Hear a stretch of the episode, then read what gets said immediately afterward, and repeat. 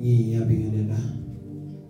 Kini nabazalwane engohle uJesu ngibonga ukuphumelela kwenu. Haleluya.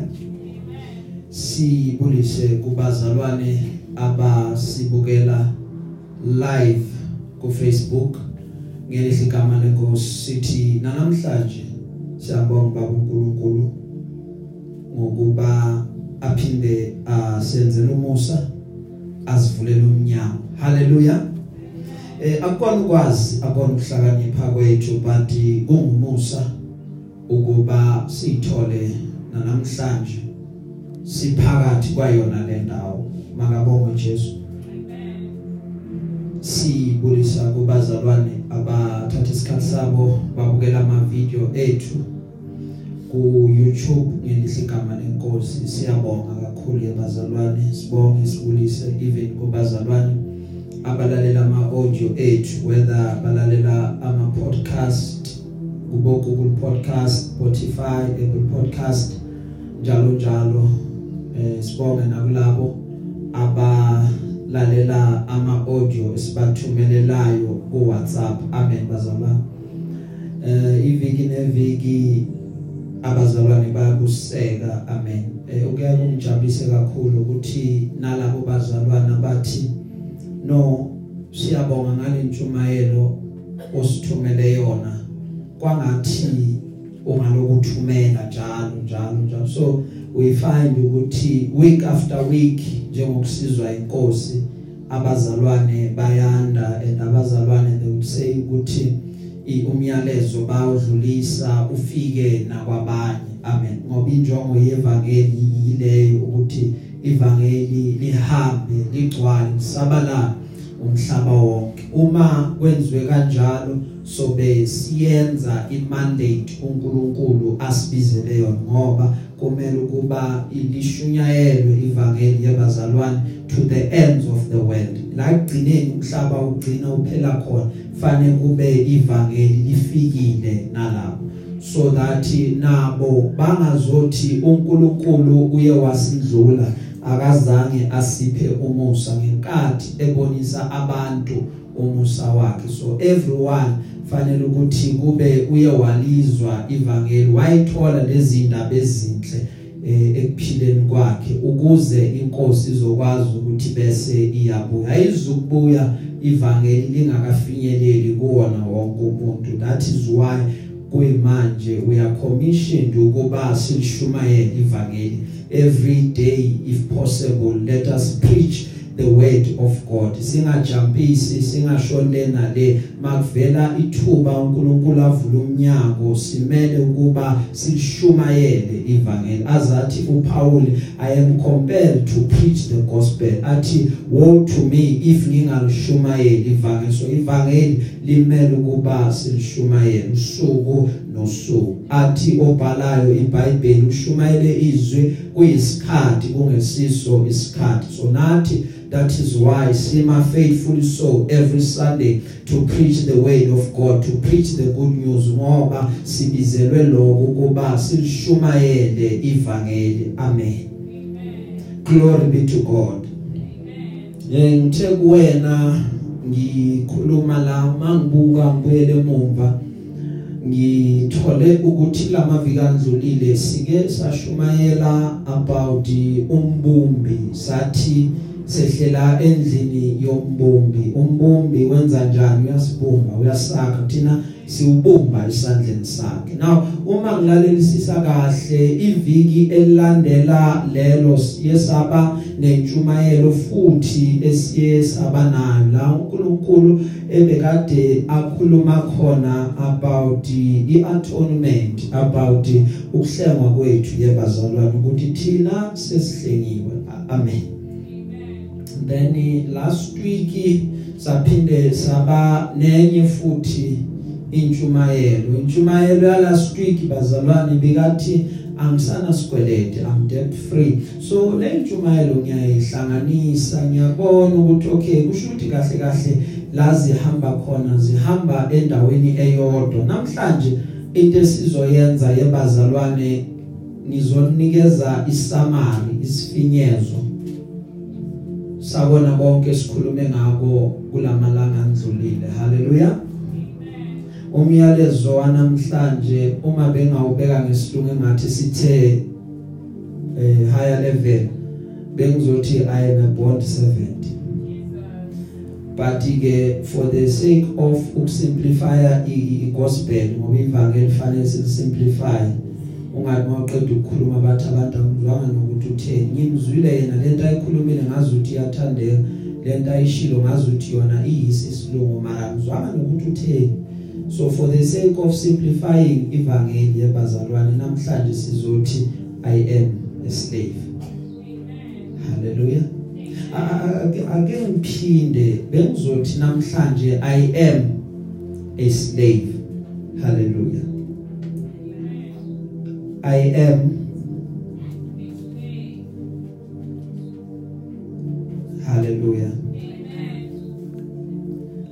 so lo myalezo uma ngisho njalo kuba i am a slave. Wona awuphelele and ngwenze ngamabomu nanokuthi ungapheleli because ngifuna ukuba uma uphelela upheleliswe wena amen.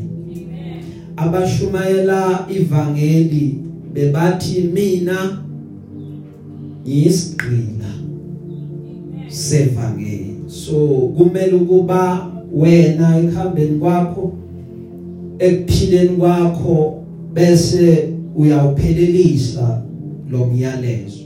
Amen. Glory be to god. Emabhayibhelini ethu yebazalwane sifunda incwadi yabaseRoma. The book of romans chapter 6 sifunda verses 15 siyoma evesini ka 23 which is the last verse. Sifunda incwadi yabaseRoma. Siqala evesini lamashumi leshumi nanhlanu siyoma evesini lamashumi amabili nantathu. Makabongwe Jesu. Amen. Ngizothi kuthina bazalwane namhlanje ngifuna ukuthi usho nawe uthi mina ngiyisigqila. But angisona isigqila sanoma ngayini ngiyisigqila sevangeli. Haleluya because lento lena is ukwenzeka kwayo kuphelelisa kwayo it's on a continuous basis. Eh yenzeka nje lokuyaqhubeka iyaqhubeka ngoba uma soyisigqila you will understand ukuthi eh this thing yenzeka because of i continuation inamandla ngokuqhubeka lento engikhuluma ngayo. Uma ingaqhubeki amandla ayo ayaphela but ukuze ipheleliswe lento kufanele ukuthi yenzeke on a continuous basis. Ukuze uzothi mina ngesigqila sevangeli kufanele kube nezinto ezibonakalayo ukuthi ngempela wena uyini isigqila sevangeli. Amen. Ngoba abantu bagqilazeke ezintweni eziningi yize sebakholwa but wena you you you, you have that opportunity ukuthi ukhethe ukuthi ugqilazwa yini. Haleluya bazalwane. Manje that is why mina ngokwami ngikhetha ukuthi eh angibe isigqila sevangeli. So ukukhetha kwami ngiphinde ngikubeke kuwena ukuthi nawe khetha ukuthi nami let me become isigqila sevangeli. Amen. Ela oyiphethe ngesilungu bese sifundele ebazalwane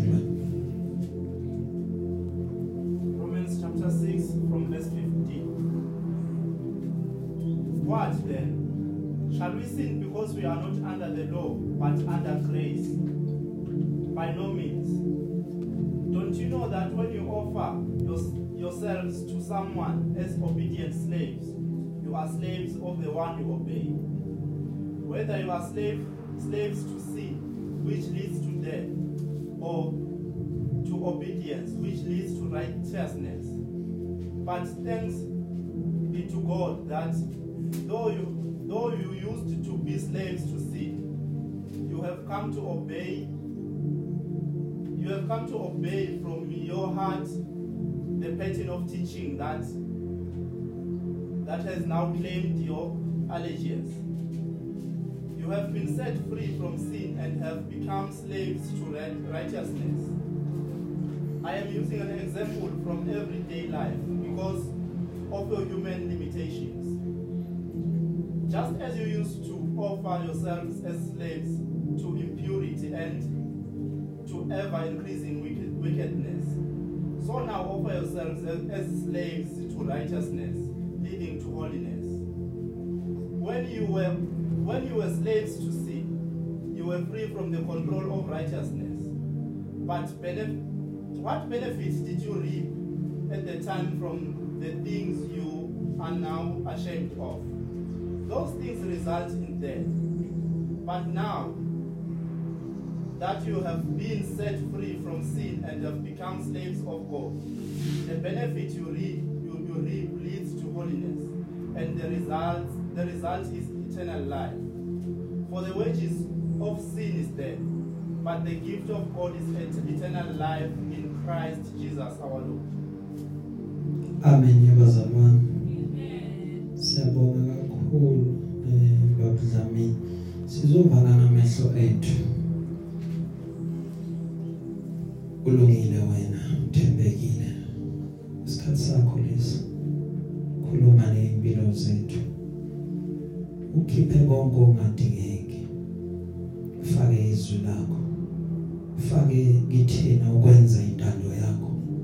siyakhuleka namanje seliphumile liphume ngamandla alo linguqobo yilona kanye elikhalipha enhlabothi zombili yilona kanye elihlaba lehlukanisa senze kahle ke ngezwi lakho. Njalo uma ulikhipha usuke kukhona othanda ukusibonisa khona. Usuke kukhona othanda ukusifundisa ngakho. Namanje kuyona le ndawo sithi yenza umathanda ngezwi lakho. Vula indlebe yethu kamoya. Sikuzwe sikuzwisisa maqeda silandele silalele izwi lakho. Senze njengokuba lishilo egameni lika Jesu lo inkosi yethu mana njalo uthathe lo nkudumo khazimulisa uJesu kuyona le ndawo. Ngelihle nelikhethekile igama lomfelo wethu Jesu waseNazaretha. Amen.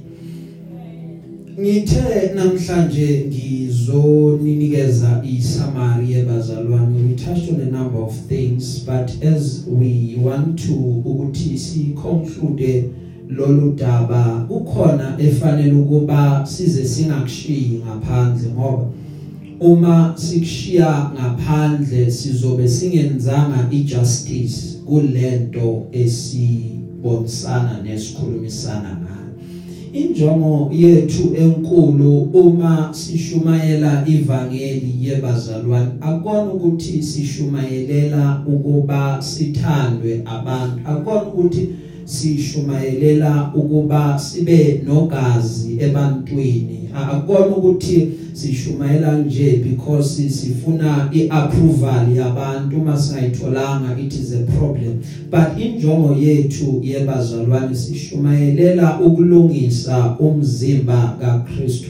Sishumayelela ukulungisa ibandla ukuze ibandla libe in rightful standing with uNkulunkulu so that uma umyeni ebuya ezolanda ibandla lakhe. Alithole without spot or blemish ngoba sometimes uma kusalungiselelwa kuba khona izinto thizeni ezisalayo so asifuni ukuba kube khona izinto ezisalile because kuzomela ukuba egcineni kwakona konke. We will have to account ngalezi zinto ngoba while sisesela umoya oyingcwele uyazambula lezi zinto. Athi naku kusala so nawe uyobungenzi justice uma uoverlooka lokho kusalayo uthi inqobo nje uma siqhubekile. So injongo yethu akona ukuqhubeka at any cost but injongo yethu ukuba ekuqhubekeni kwethu senze kahle sahamba kahle phambi kwayena lo osibizileyo waphinde wasikomishina ukuba sihambe siyoshumayela ivangeli so that uma esibuka azokwazi ukusho lankamazwi athi well done good and faithful servant. So lokho kubiza ukwenza kahle kuthini? Ukuthi izinto we do not leave them to chance. Izinto asiyishiyi sibona but senza make sure ukuthi onke ama engel onke ama loopholes have been covered. Amen. So injongo yethu is to cover everything. Injongo yethu is to cover every loophole so that uma impilo yakho ibonakala even phambi kwabantu kubonakala ukuthi surely lo mntwana kaNkuluNkulu ngoba uma sesibuka inkambo yakho ukwenza kwakho ukuhamba kwakhe then we can attest ukuthi kunamandla sezulwini ahleli phezulu kwakhe ngoba ngoba sibuka ukuhamba kwakhe. Now eBhayibhelini ke yebazalwane ku kunalento that you must never miss uma ulifunda iBhayibheli ekwakhiweni kwakho. Kunohlobo lomuntu efanele ube uyena. iTestament elisha limhlukanisa kabili lo muntu but uma ungabuka inature yakhe iyafana lo muntu efanele kuba ube uyena. Uma ulifunda iBhayibheli even the testament elidala it does cover le part and ngiyayithanda nje ngendlela eyisimanga because kula ngifuna nami ukuthi ngiyithole ngikhona so angifuni ukuyithola ngedwa ngifuna ukuyithola nawe lapho ukuthi silapho mina nawe. Amen.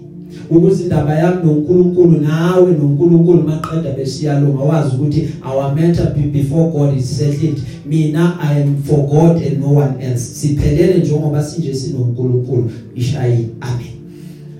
Now lithi ke iBhayibheli lo muntu uyi uyi slave lo muntu lo. Okokuqala yiloko lo muntu uyisigqila okokuqala yiloko amen yabazalwane. Okwesibili lo muntu uyisiboshwa two things. Umuntu efanele ube uyena fanele ube isiqila at the same time ube isiboshwa amen. Mele ube isiqila sakaNkuluNkulu ube isiboshwa saka Kristu sisonke yebazalwane mele ube yini?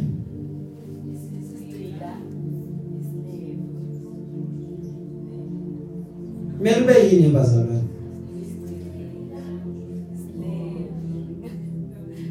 nesiboshwa ne? Okay. Mele ube isiqila at the same time ube isiboshwa ake ngichaze kancane.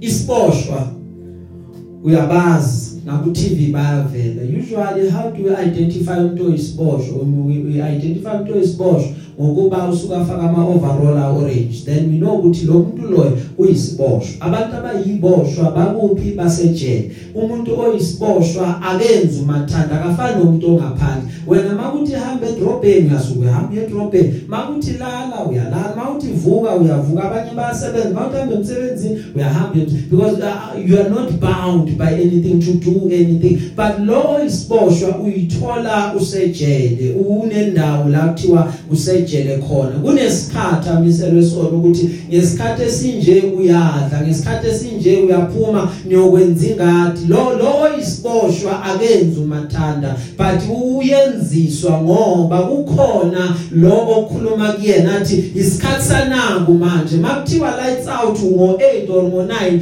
kuyalala. Wonke umuntu uyalala. Angeke akhanyise yena athi hayi mina ngisafuna ukuhlala uhlalelani sonke siyalala. Ngoba akayiphethanga uphethwa akazenzeli uyenziswa lo muntu lo oyini oyisiboshwa because ukubophezeleka kwakhe kuphinde ukuthi uma kuthiwa manje uyahamba for ama court appearances okwenzakalayo iboshwa lezi ezingozi iboshwa ngamaketani zifaswe ngamaketani kwenzela ukuba zize zingabale kunezinto ekokuba yithiyo ezibamba lo muntu oyisiboshwa kuthiwe lo muntu akazi ukubaleka akazi ukweqa. Ngobani? Ngoba siyathemba ukuthi ngalendlela simbo ambophe ngayo angeke azadabuka eSouth Africa sodwa isiboshwe sabaleka eSimex prison.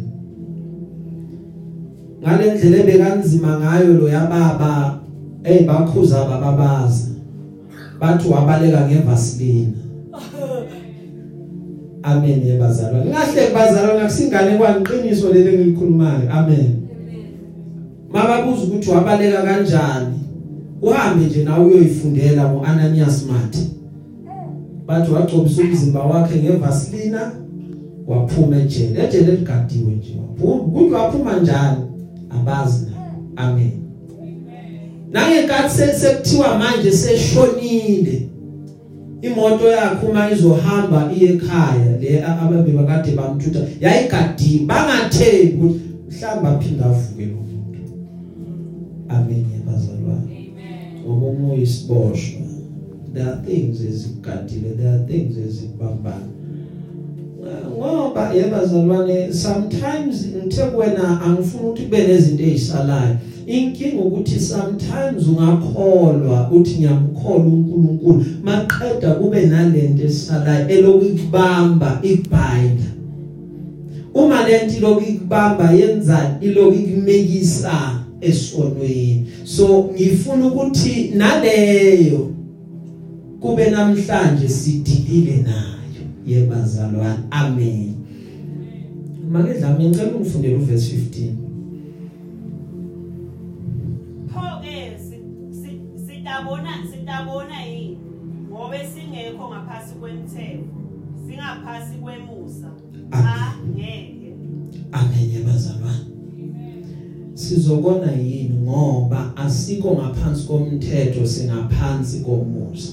Ngithi kuwena kuba kuba kuba nalento that comes and ibind. Kuba nalento ethi ngama ngama occasion thizeni efuna ukukubambela that is why uPaul ebuza umbuzo ukuthi sizobona yini? Because right now asikho ngaphansi komthetho but singaphansi komusa we are not under law but we are under grace. So do we continue sihlala esonweni? Ngoba ngithina sesifumene umusa sizwile ukuthi izono zakudala izono zaqala seziyekeliwe ngoba uNkulunkulu uyidedele. Usho njalo wathi izono zakudala uyayiyekela. So uma sekayiyekelile siyaqhubeka yini thina? Siphile sihlale esonweni. Lento ethandeka kangaka ekuyisono ilokusidonsa do we keep on entertaining it na? Noma sithi cha asikwazi ukuhlala esonweni. Impendulo ithi no yes we cannot stay esonweni. Ngobani ngoba sesifumane umusa umusa delivered. Umusa wasilanda esonweni. Kulethi lonke besivalelwe kulona. Wafika umusa wazosikhipha. Sesikhululiwe from ejele. That is why ukuhamba kwethu sihamba nje asinaqala sihamba nje siya understand ukuthi sesihlukene nezwe lokona. Now bese ngithe kuwena bese uba isigqila bond 70 now laba abafundi iBhayibheli nabanye abangalifundi iBhayibheli abafuna izinto nje just to point out babe babe bangabi naye understanding about ubugqila. Bacabanga ukuthi ubugqila eh buze nenkolo eh buze nezwi la uNkulunkulu. uNkulunkulu commissioned abantu ukuthi babe yigqila in a sense yesigqila because isigqila yinto eh uma ibuka yinto that was shamed ngokuhamba kwesikhathi. Namanje kuba yinto ephathisana amahloni. Uma uma umuntu eyisigqila umuntu nje osuke anamahloni ngalento asuka ayithola kuyona. Inkinga yakhe nje ukuthi akazi ukuthi ngaphuma kanjani kulobugqila engiyithola ngikubona. So bacabanga ukuthi iBhayibheli kahle kahle it was instituting noma belenza ukuba abe khona ubugqila kanti iBhayibheli was a way out of ubugqila because ubugqila already it was in place. But iBhayibheli had to come with means wokuthi ubugqila bungaphela kanjani. Uma buqhubeka abulimazi kangakanani abantu laba already abakhona abayithola ukuthola bephakathi kwa. That is why uma ufunda incwadi ka ka Exodus chapter 21 iBhayibheli liyalandisa about impilo yesigqila yebazalwane. Lithi iBhayibheli isigqila bekade kumele ukuthi sibe khona for for for for 6 years kuIsrael uma sigcina sikhona for 6 years kunyaka ka7 bekula kufanele ukuthi kuqedwe khona ini ubugqila uma kuqedwa ubugqila into ebekade yenzeka bekade silandwa isigqila bese siyabuza ukuthi ingabe uyaphuma yini ebugqilini noma ufuna ukuqhubeka nokugqila? Because leso sikhathi bekuyisona isikhathi esichaza yonke into ukuthi lo muntu will remain aqhubeka until forever noma kuphele khona la ngoba ukuphela uma ethi mina ngiyaphuma onyakeni ka7 umaster wakhe bekangakwazi ukuthi aqhubeke ambambe bindingly so because umaster bekumele ukuba amkhulule ngoba isikhathi sakhe sesiphelile. Now lithi ke iBhayibheli uma ezophuma uma ethi hayi mina ngiyaphuma kusho lokho ukuthi yonke into ayitholile enkosini yonke into ayithole kumaster wakhe uhlukana nayo. But uma ethi ngiyayithanda inkosi yami. Mhlawumbe ufike la enganankosikazi inkosi yamupha unkosikazi waphinde wathola nabantwana. Uma ezothi ngiyamthanda umaster wami ngiyamthanda unkosikazi wami ngiyabathanda abantwana bami engibathole enkosini. Maqeda lithi iBhayibheli inkosi yayikade imthatha iphumela naye ngaphandle. Maqeda ibhoboze indlebe yakhe ngosungu as a sign phambi kukaNkulunkulu naphambi kwabantu bonke ukuthi this is a sign yokuthi lo uyakungikhonza inguna phakathi. Akasayiphuma kimina ngoba izinto ayithole kimina uthe uyayithanda zonke. That was a definition ke yesigqila kwaIsrael ukuthi isigqila sokukhonza uNkulunkulu siza naleyo mibandela leyo uma ufika enkosini uqhamuka from ezweni kunezinto ohlukana nazo ebekade zikubambile from ezweni but once wafika enkosini wathola umusa. Bese uyaphambi kwabantu ufike phambi kwabantu uthi ngiyamthanda uNkulunkulu wami ngiyayithanda nezinto engiyithole enkosini. So namhlanje ngithi inkosi ngiyoyikhonza kuze kube phakathi. Maqeda bese uNkulunkulu abhoboza indlebe yakho yosungula eze sign ukuthi wena uyavuma ukuthi uyakuba yibond servant to God until forever. Awusayiguquka kuleso sivumo sakho noma kungabukeka ngazuthi awutholi next ngoba kakade vele umuntu oyisigqila beyangekho commissioned ukuthi kukhona okuthizene efanele kuba akuthole ngobani ngoba vele uzela ngokuzosebenza. Kokunye asebenza ngaholi ngobani ngoba uyisigqila but uma inhloso kungukujabulisa umaster ngiyaqhubeka ebugqilini that is why nathi we come to that agreement to say ukuthi Nkosi noma ungasasinikezanga lutho simakade siyakukhonza kuze kube phakade. Asizukuyeka sizukusuka kuwena. We have come to that agreement ukuthi Nkosi we are your bond servants. uNkulunkulu siyigqila zakho sizolihambisa ivangeli even to the ends of the world. Ayikho into eyakusihlukanisa nevangeli. Noma sikhandwa ngamatshe noma siboshwa ngamaketanga but we shall remain ama servants akho. weNkulunkulu ukuze sikhonze so that uzojabula ngathi njengezikhonzi zakho. Amen.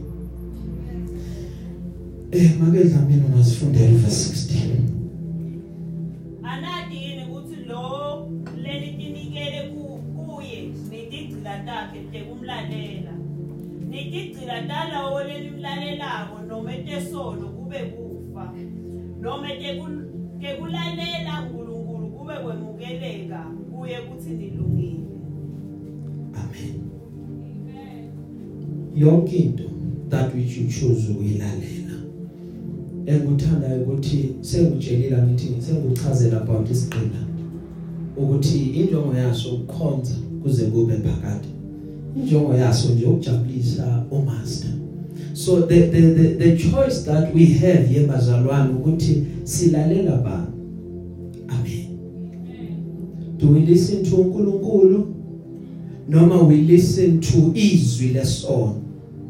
Uyazi uma uma ngi- ngikhuluma ngiyayingathandi ukubeka noma ngikhethe izone ezithile because ngifila ngazuthi ukukhetha kwami isona esithile kukubandlulula and eh kusuke ngingenzi kahle ngoba kuNkulunkulu zonke izono ziyafana isikali sazo siyalingana.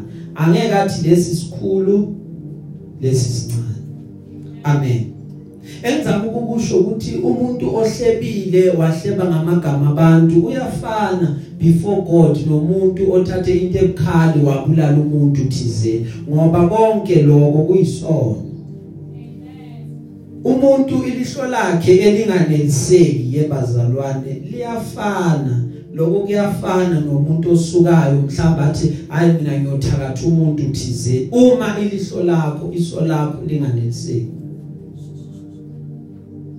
Ukuba nomona kuyafana nokukhuluma kabi ngamagama abantu. Noma ungathi lento a- a- ayibonakali kubantu abathile but to God is one and the same. U- uma e- e- ekala izono konke ukubeka esikalini esilinganayo. So khethani ke ukuthi nina nifuna ukulalela nilandele ubani ngoba kunezinto ozoyilalela kanti lezi zinto zizokuzalela noma zizokudalela ukufa. But at the same time uma ulalela ezinye izinto ezihlukile lezo zinto zivusa noma zidala ini ukulunga. Amen. Become a bond 70 basigqila sakaNkulunkulu. La intando yakhe ithi iyakhona iyakhona kunezinto yebazalwane engeke size siyekele ngoba naku siyeka but lezi zinto zizoyekeleka ngenxa yokuba inkazimulo kaSimakade igcwele kakhulu ngoba inkazimulo kaNkuluNkulu once yabakhona endaweni kuvamisile ukuthi nalento kuyisono ingakhona ukuhlala kuleyo ndawo ngoba ngoba inkazimulo kaNkuluNkulu igcwele kuleyo ndawo leyo make dlamini verse 17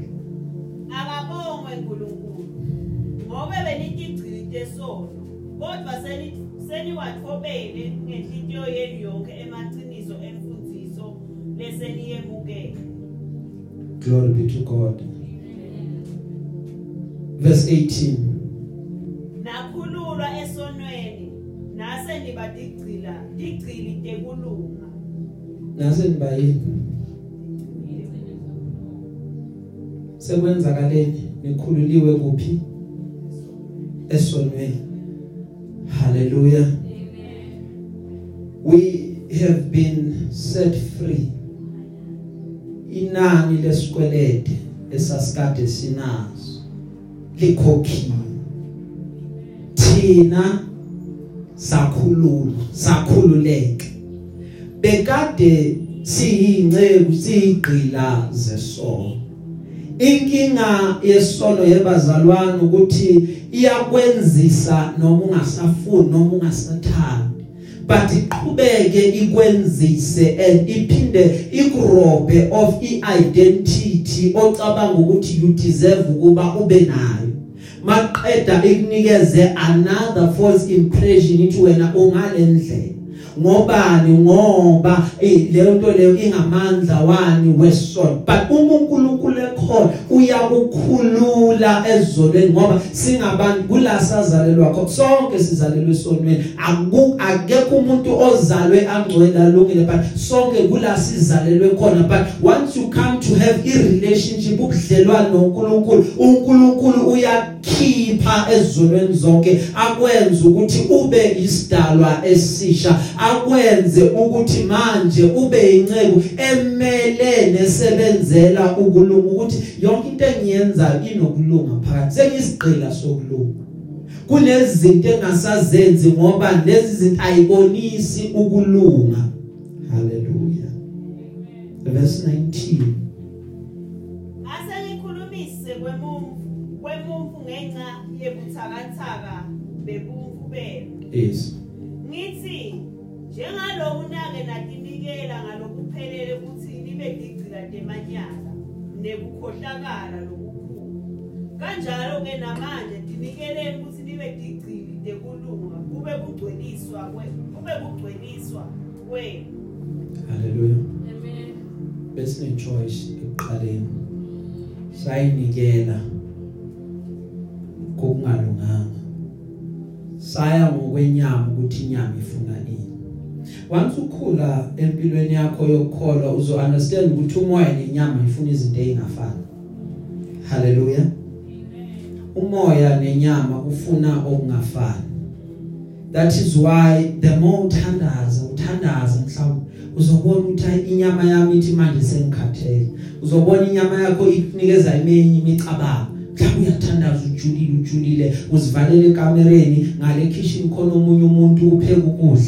And vele vele bongakazi uthi athi ngiyithandazele so uzwa man awu nayi le voice inginukela kamnandi mawuthi i direction nje yephuma nje vele iqonde ngala ukhona. Yini lento enuka kamnandi kangaka? Kusho ukuthi bayafry mina ngibhizi ngiyathandaza. Ngoba ngoba inyama iya disturb ukusebenza kukamoya ukuze umoya angakwazi ukusebenza ngokugqwele but kuvame ukusebenza kwenyama. And once wavumela inyama yakho ukuba isebenze kakhulu lokho yikona ukuxabanisa noNkulunkulu. Kwenza ukuba ubudlelwane bakho noNkulunkulu bungasabi right. Uzoyithola ubaleke ebukhoneni bakaNkulunkulu. Kusho wena uthi hayi mina I'm not worth ukuthi ngingaba sebukhoneni bakaNkulunkulu maqeda bese uyahlehla maqeda bese uyasuka ngoba ngoba into that is dominant yile misebenzi yenyama. But inyama kufanele ukuthi uyilokhuze uyithibe inyama. Inyama izwe ngawe inyama ikhonze wena. Wena kube uwena umaster of inyama yakho. Ngake ngalalela omunye usisakhuluma athi ngitholakala ukuthi ngi HIV positive but impilo yami yashintsha the day ngikhuluma naye HIV ngithi lalela we HIV lalela wegciwane ufike emzimbeni wami la uzolalela mina angeke ngize ngizwe ngawe then kula ngathatha khona iauthority yami back ngayibamba. That is why abantu babona ngiqhubeka iminyaka lokuyaqhubeka iyahamba. Awubamangele ukuthi lo muntu amandla ngakuwathatha it is because ngaba nomhlangano nami ngathi wena gulo ufike la kumina uzolalela mina ukuthi senza kanjani. Impilo yabe siyaqhubeka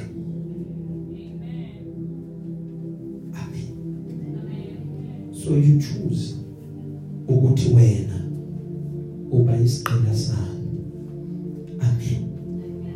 Because lezi zinto they keep coming yembazalwane ziloku ziyabuya kancane kancane ziyeza zizohlola into encane nje inokufika sometimes uthi how ifike lento iyabuya. Uthamanthi ngiyenze akubonakali man abantu ababona ake ngithi nje kancane it is because that it keeps on recurring. That is why you need to set ingqondo yakho ukuthi yazi mina sengisigqila saka Christ ukuphelela lapho. Mina ngisigqila saka uNkulunkulu konke okunyangisaka entertain. That is why uhlabelela akusenehlukene nezwe lokho fanele kube khona ukuhlukana okwenzakalayo. Verse 20 mabedlamini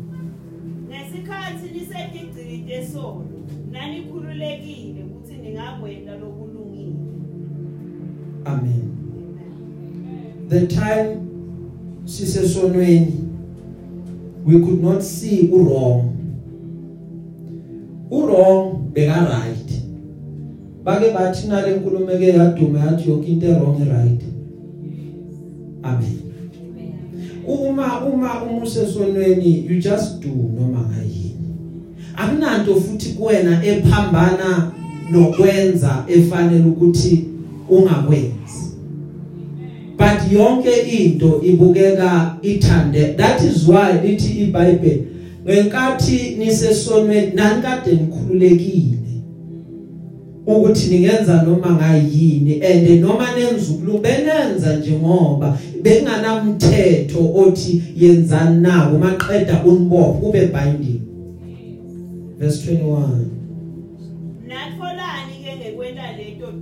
yes. Lese ninemahloni ngato nyalo mm. Phela siphetfo saleto dimo kufa. Haleluya isiphetho sazona zonke lezi zinto ebekade sizenza ayilideli kwenye into.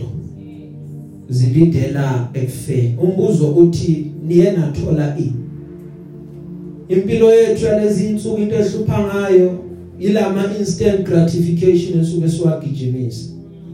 Sijahile yebazalwane sifuna ama instant gratification. That is why athobhala iBhayibheli kulezi insuku esiphila kuzona abantu abasaphilela ukuthi bayamthanda uNkulunkulu but abantu baphilela ubumnandi. Uma umuntu enkonzweni siyahlanganyela kuze ukuthi kuyadliwa nala besontweni leli uyabona akazelanga ukwakhiwa uzela ukudla. Omunye umbuzo uthi ize enkonzweni akhona ama keyboard khona ama drum phela mina ngifuna ukunyakaza. Uzela ukuzojiva noma uzela ukuzokwakhiwa? Because abantu into abayifunayo is that entertainment. Well, as long as sikhulise entertainment yabayiningi yes abantu they will come. Because why? Kune gratification abazo abaza kuyithola. Into le eyenza ini elethwa ukuhlala esonwe but lithe iBhayibheli konke lokho bekade sigijimisa what was the reward? Ukufa kuphela. Amen. Saya ku December ziningi indlela zobumnandi. Abantu zobabona bathi yabo manje ubumnandi buyaqala.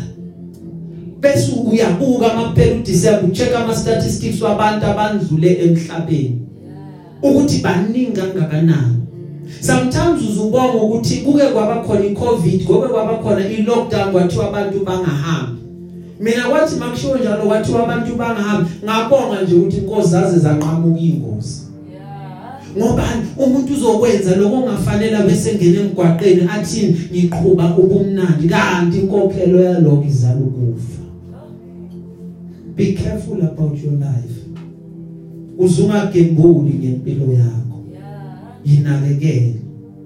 Phila kwakho uphila kayiwani awuphili kaningi amen. Impilo yakho kwamazuthi ngafihlwa kuKristu itholakale kuKristu.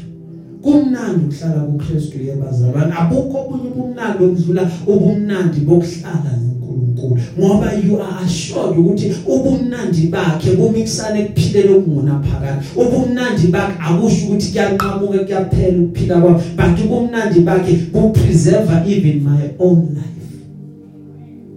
Verse 22 mangedla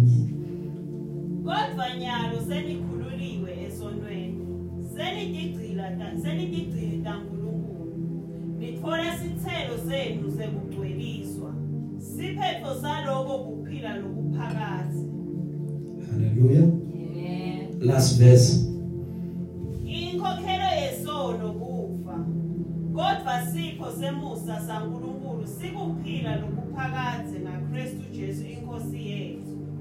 Amen. Sesigcina engifuna ukusho nako ukuthi lithe izwi lenkosi sikhululiwe yebazalwane we have been set free.